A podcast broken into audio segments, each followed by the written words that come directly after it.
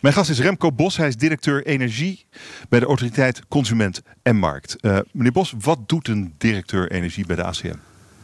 Ja, je kan beter vragen, wat doet een directie energie bij ACM? Ja, wij houden toezicht op uh, de handel en wandel van de netbeheerders. Uh, netbeheerders hebben natuurlijk uh, monopolies uh, op hun netwerken. Nou, dus wij houden daar toezicht uh, hmm. op. Dat is een belangrijke rol.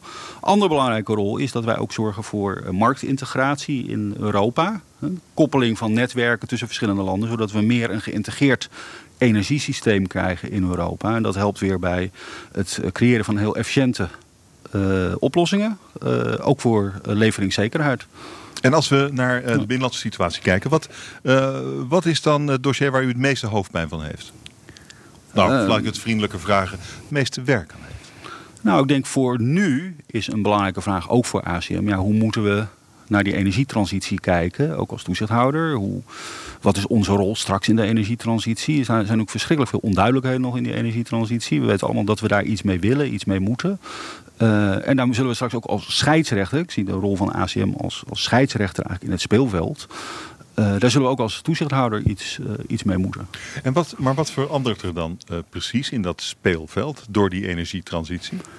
We krijgen veel meer dus duurzame energie. Nou, dat betekent dat er voor de netwerken heel veel gaat veranderen. Meer belasting voor de netwerken, zeker als er meer lokale energie wordt, wordt ingevoerd.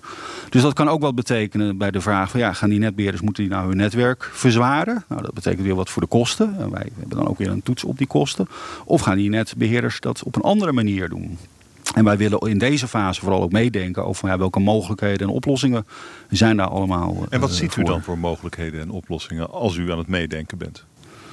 Uh, wat wij daar zien is dat uh, wij willen vooral op dit moment, en daar heb ik net ook een presentatie over gegeven, eigenlijk helpen de discussie vooral te objectiveren. Ook bijvoorbeeld bij de vraag van ja, moet er nou straks in een gemeente moet er nou een warmtenet komen of ga je dat toch op een andere manier oplossen als je ervan uitgaat dat er dus minder gas uh, in Nederland mm. gebruikt gaat worden. Wij willen vooral in de discussie ook een rol, een bijdrage leveren van ja, wat heb je nou nodig om die keuze goed te maken. En ik heb toen straks bijvoorbeeld ook gepleit voor een maatschappelijke kosten- en batenanalyse. Om veel meer nog ja, echt de effecten in kaart te brengen van als je nou voor een bepaalde oplossing kiest, van ja, wat zijn daar dan de voor- en de nadelen van nu en ook op de langere termijn. Okay, is dat... En ik geloof dus heel erg dat je in de discussie dat we met elkaar meer dat nog kunnen uh, objectiveren, meer kunnen analyseren van welke kant moet het dan precies op. Oké, maar zijn het zelf al als autoriteit consumentenmarkt ben je toch eigenlijk vooral scheidsrechter in het, ja. uh, in het, in het geheel ja. van, van marktpartijen. Ja. Aan de ene kant de consument aan de andere kant.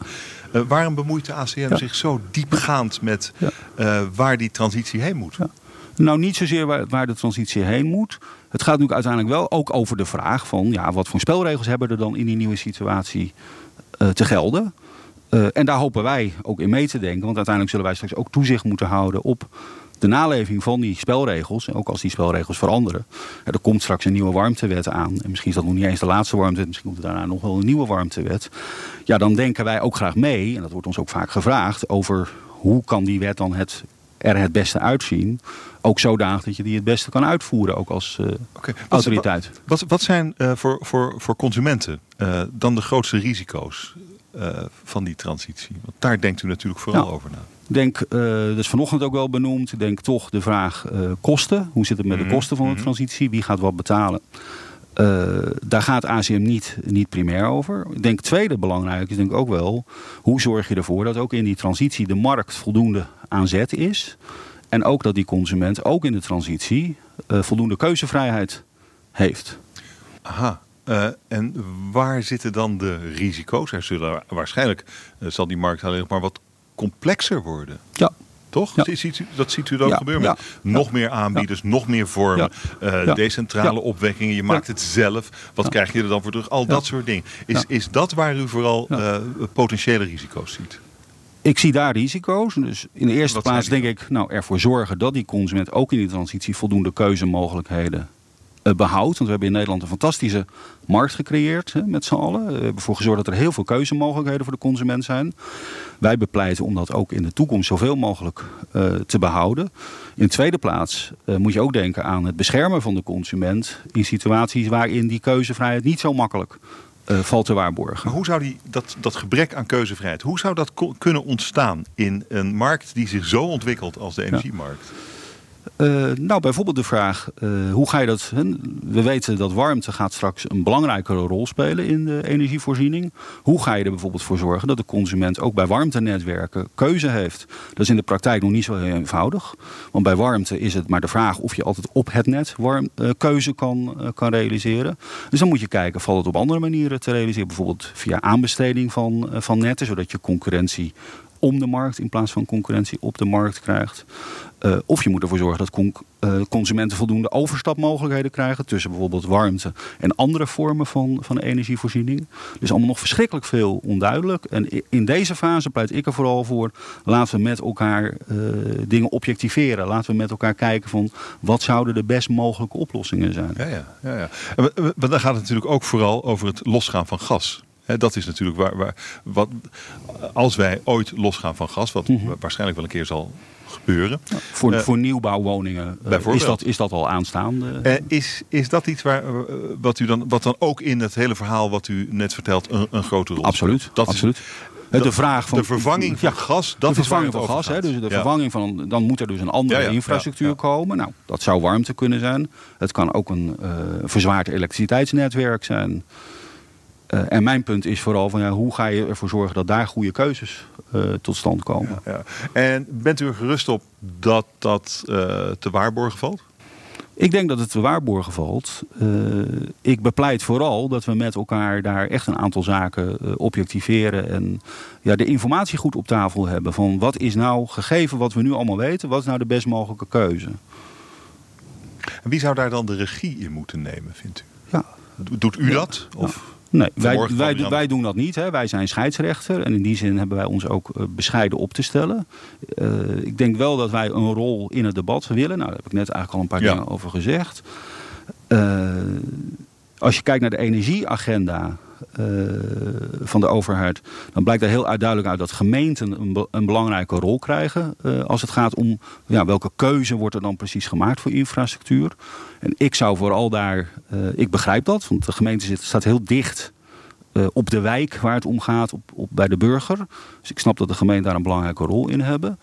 Uh, tegelijkertijd denk ik dat het ook belangrijk is dat gemeenten ja, uh, voldoende met elkaar samenwerken. Want wat er in gemeente A gebeurt, dat kan ook uh, van invloed zijn op wat er in gemeente B plaatsvindt. Dus wat ik vooral ook bepleit is dat er wel een vorm van ook regie plaatsvindt vanuit de Rijksoverheid. Dat gemeenten, en dan kom ik weer op het punt van dat gemeenten voldoende ja, een, afweging, een afwegingskader hebben. En wat mij betreft zou het Rijk daar een belangrijke rol in hebben. Een afwegingskader hebben om die keuze goed te kunnen maken. Tot wat voor infrastructuur komen ze? Ja, we hebben hier natuurlijk op de Energy Day ook over gesproken ja. vanmorgen. En, ja. de, en toen kwamen er op een paar hele kritische opmerkingen. Een van die kritische opmerkingen was: ja, die gemeentes, vooral de kleinere, hebben er 0,geen verstand van. Ja. Ze kunnen het niet. Ja ik, ik kan dat zo niet beoordelen. Ik denk dat er. Het zit een beetje in wat u zegt. Denk dat er, het, het kader uh, zou geleefd moeten worden door de Rijksoverheid. Um, ik denk dat het Rijk kan helpen om dingen te objectiveren. En ook tegen gemeenten te zeggen van gebruik nou deze criteria, deze uitgangspunten, deze elementen in je afweging om tot een, goede, om tot een goed besluit te komen. Dus uh, uh, het maar gewoon aan de gemeente overlaten, dat is, zegt u, geen goed idee. Het alleen maar aan de gemeente overlaten is denk ik geen goede oplossing. Er is meer nodig. Um, nog, nog, nog, nog één ding. Ziet u uh, op dit moment wat is op dit moment het, het, het allergrootste risico? Waar zit dat? Zit dat bij de netbeheerders misschien? Zit dat bij de, uh, bij de energiebedrijven? Waar ziet u de grootste risico? Want netbeheerders zijn in potentie, dat is waar u naar kijkt, dat zijn in potentie monopolisten. Het grootste risico wat ik op dit moment zie is denk ik uh, onduidelijkheid over rollen en taken ik denk dat we, en daar helpt nogmaals, daar helpt ook zo'n maatschappelijke kosten- en batenanalyse bij, dat er veel meer duidelijkheid moet komen wie gaat nou onder welke omstandigheid precies wat doen. En als je dat ook met elkaar helderder hebt, dan worden denk ik ook keuzes makkelijker. En kan je ook scherper ook naar burgers informeren van dit zijn wij van plan en wel om die reden. Dank u wel voor dit gesprek. Remco Bos, directeur energie bij de Autoriteit Consument en Markt. Dank u wel.